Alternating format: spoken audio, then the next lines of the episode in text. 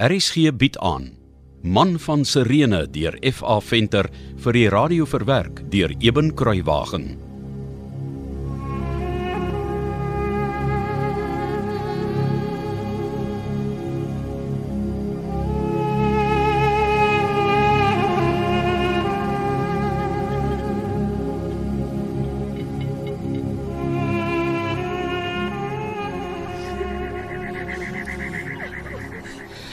Hier is omtrent niemand meer nie.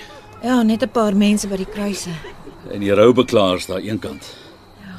Ek sien Rufus hulle nêrens nie. Ek ek dink jy sê hulle het hierheen gekom. Hulle het dalk is hulle iewers besig. Ja, maar waar? Daar's Josef van Arimatea. Kom ons gaan hoor by hom of hy hulle al gesien het. Josef, vrede vir jou. Simon, Deborah. Vrede vir julle. Vrede vir jou Josef van Arimatea. En die fyn linnekleed wat jy vashou? Oh, dit ek het dit gebring om Jesus in weg te lê. Dis pragtig. Baie dankie dat jy dit vir hom doen. Ek moet. Dis die minste wat ek nou vir hom kan doen. Kon kon hom nie hierdie vreeslike dood en foltering spaar nie. Waar gaan julle die Nasareëner weglê? Dit 'n nuwe graf laat uitkap nie te ver van hier af nie. Vir myself eintlik. En nou gaan ons hom eerder daarin weglê. Dis wonderlik van jou Josef. Jy's so offervaardig. Wie's die man wat daar naby die kruis staan met die flesse in sy hande? Dis my ou vriend Nikodemus. Jy weet die bekende leermeester. Hy's ook 'n Fariseer en 'n lid van die Joodse Raad. Ja, Ja, hy het uit midde en speserye gebring vir die balsaming.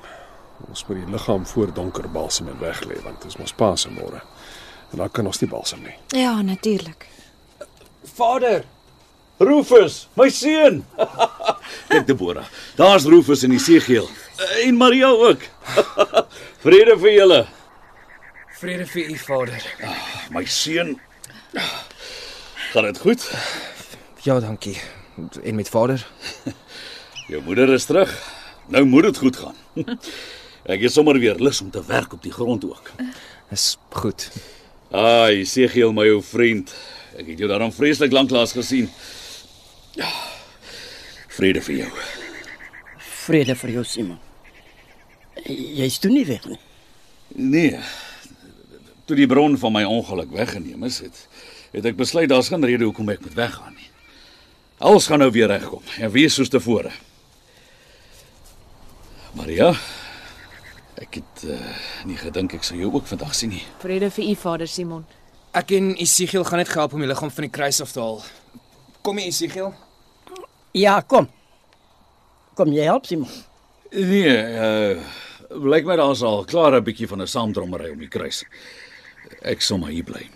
Ek gaan ook na die kruis toe, Simon. Ek wil net afskeid neem. Uh, dis mos waarvoor ons hier is. Wag vir my moeder Deborah kom saam. Dis die prys wat ek maar sou moet betaal vir my huis om weer normaal te wees. Ek laat hulle begaan om afskeid te neem en te huil en te wie weet wat nog. Dis eendag uit die res van my lewe. Dis nie moeite werd. Ek kan sien vir hulle almal as dit heilige oomblikke hierdie. Hulle wil nie eens praat nie. Maar hoe meer ek skop teen hierdie prikkels, hoe langer gaan dit vat voor my huis weer in orde is. Daar het hulle nou die liggaam van die kruis af, lyk dit my. Ja. Hulle lê hom op die grond neer. Kyk dit op baie die manne onder mekaar. Uiteindelik tel hulle hom op. Hm? Rufus en die Sigiel is so ewe van die voorbok kom te help dra.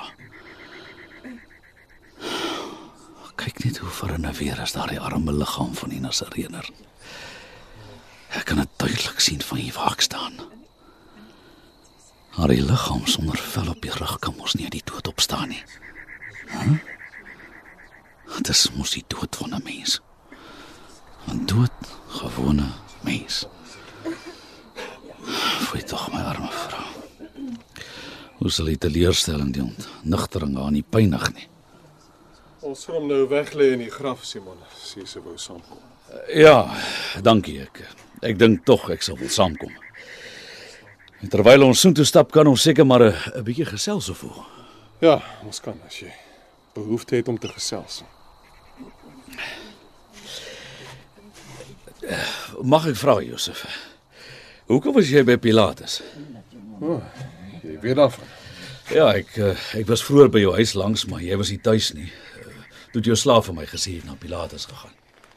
Ja, ek het uh, Pilatus om toestemming gaan vra om Jesus se liggaam van die kruis af te haal sodat ons hom voor die Pasga kon weglê. O, Hoekom het jy my gesoek? ek wou met jou praat oor iets. En uh dis hoekom jy op pad na die graf toe met my wou praat. Nee nee nee nee nee, dit eh, dit kan wag tot later. Nou is daar iets anders waaroor ek met jou wil praat. Praat, ek luister. Kyk, uh, uh, vandag was vir my 'n uh, 'n die mekaar dag. Glo my, ek weet. Ek het jou so jammer gekry toe jy vroeër vanmiddag hier van die kruis al weg is. Ek uh, ek dink ek kan nog die aardbewing verstaan. Ja, dis goed. Ek's bly daar's iets omtrent hierdie dag wat jou nie slapelose nagte gaan besorg nie. Ja, maar hoekom die donkerte? En hoekom moes die voorhangsel skeur?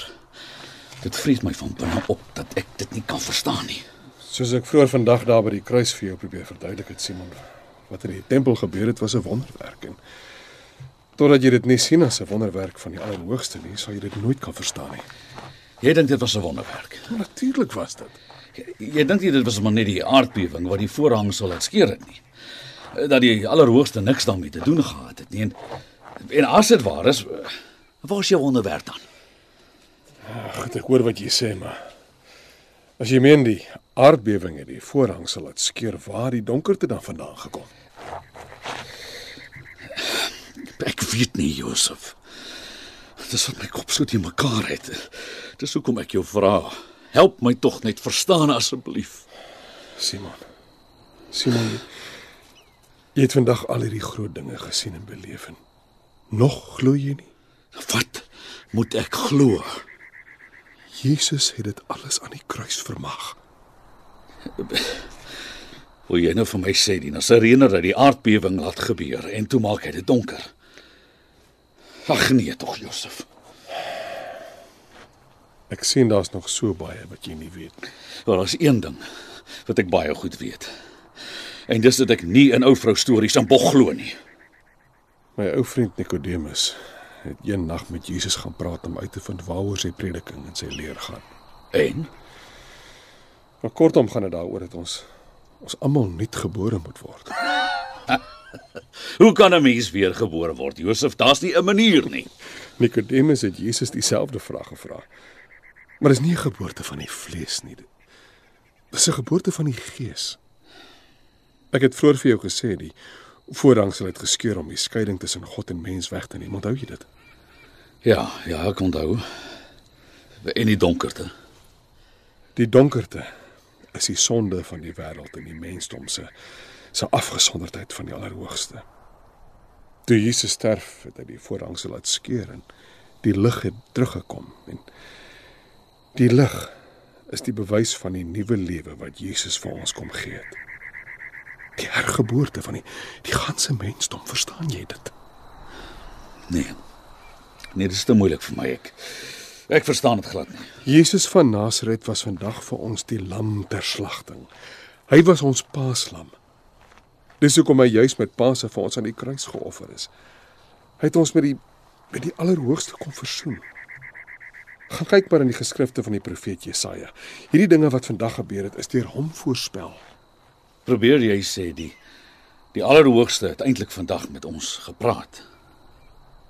Deur sy seun het hy vandag tot ons gespreek. Ja. Dankie dat jy met my gepraat het. Verstaan jy wat vandag gebeur het? Nee. Nee, nie eintlik nie. Ek moet nog probeer glo dat daardie Nasareëner met sy gebroke liggaam deur die Allerhoogste gestuur is. Meer nog as dit jy jy moet glo dat hy die seun van God is. Dit is te veel om te glo. En as hy uit die dood opstaan, sal jy dan glo, Simon? Ek eh, ek dink jy moet liewer gaan seker maak hulle lê die Nasreener weg soos dit gedoen moet word. En maak seker hulle rolle behoorlike klip voor die bek van die graf.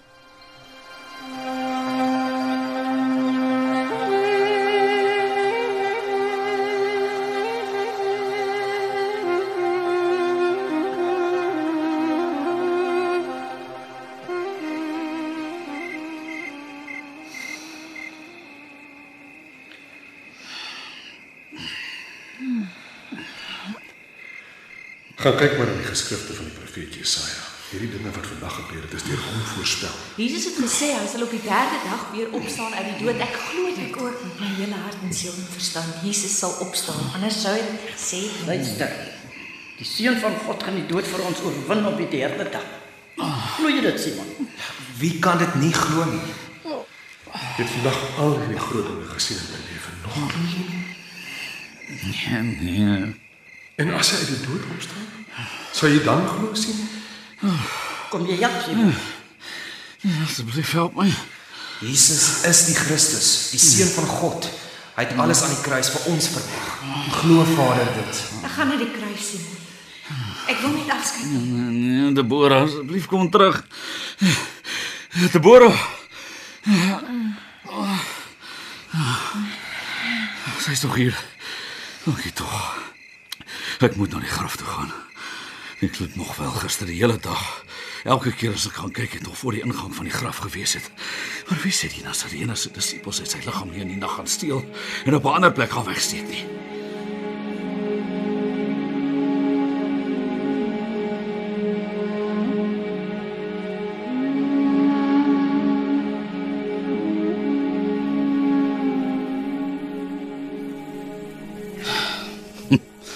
Wonderwerk sê Josef van Arimatea. En Deborah, Rufus en Maria, tot ou Jesegiel ook. Sê almal hy sal opstaan.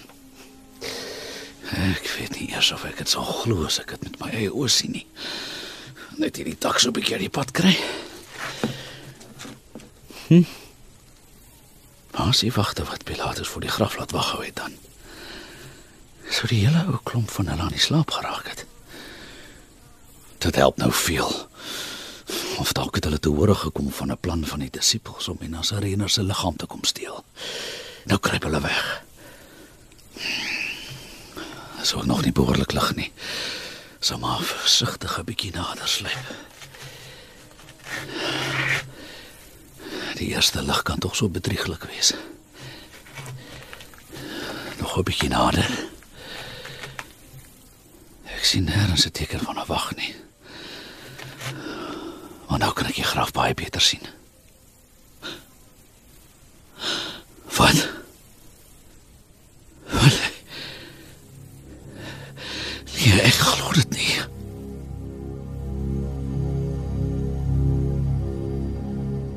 Man van Sirene deur F.A. Venter is vir die eerste keer in 1957 uitgegee en is in 2016 weer uitgegee deur Lux Verbi. Die produksie is tegnies hanteer deur Cassie Lauis en die verhaal word vir RSG verwerk deur Eben Kruiwagen onder spelleiding van Joni Combrink.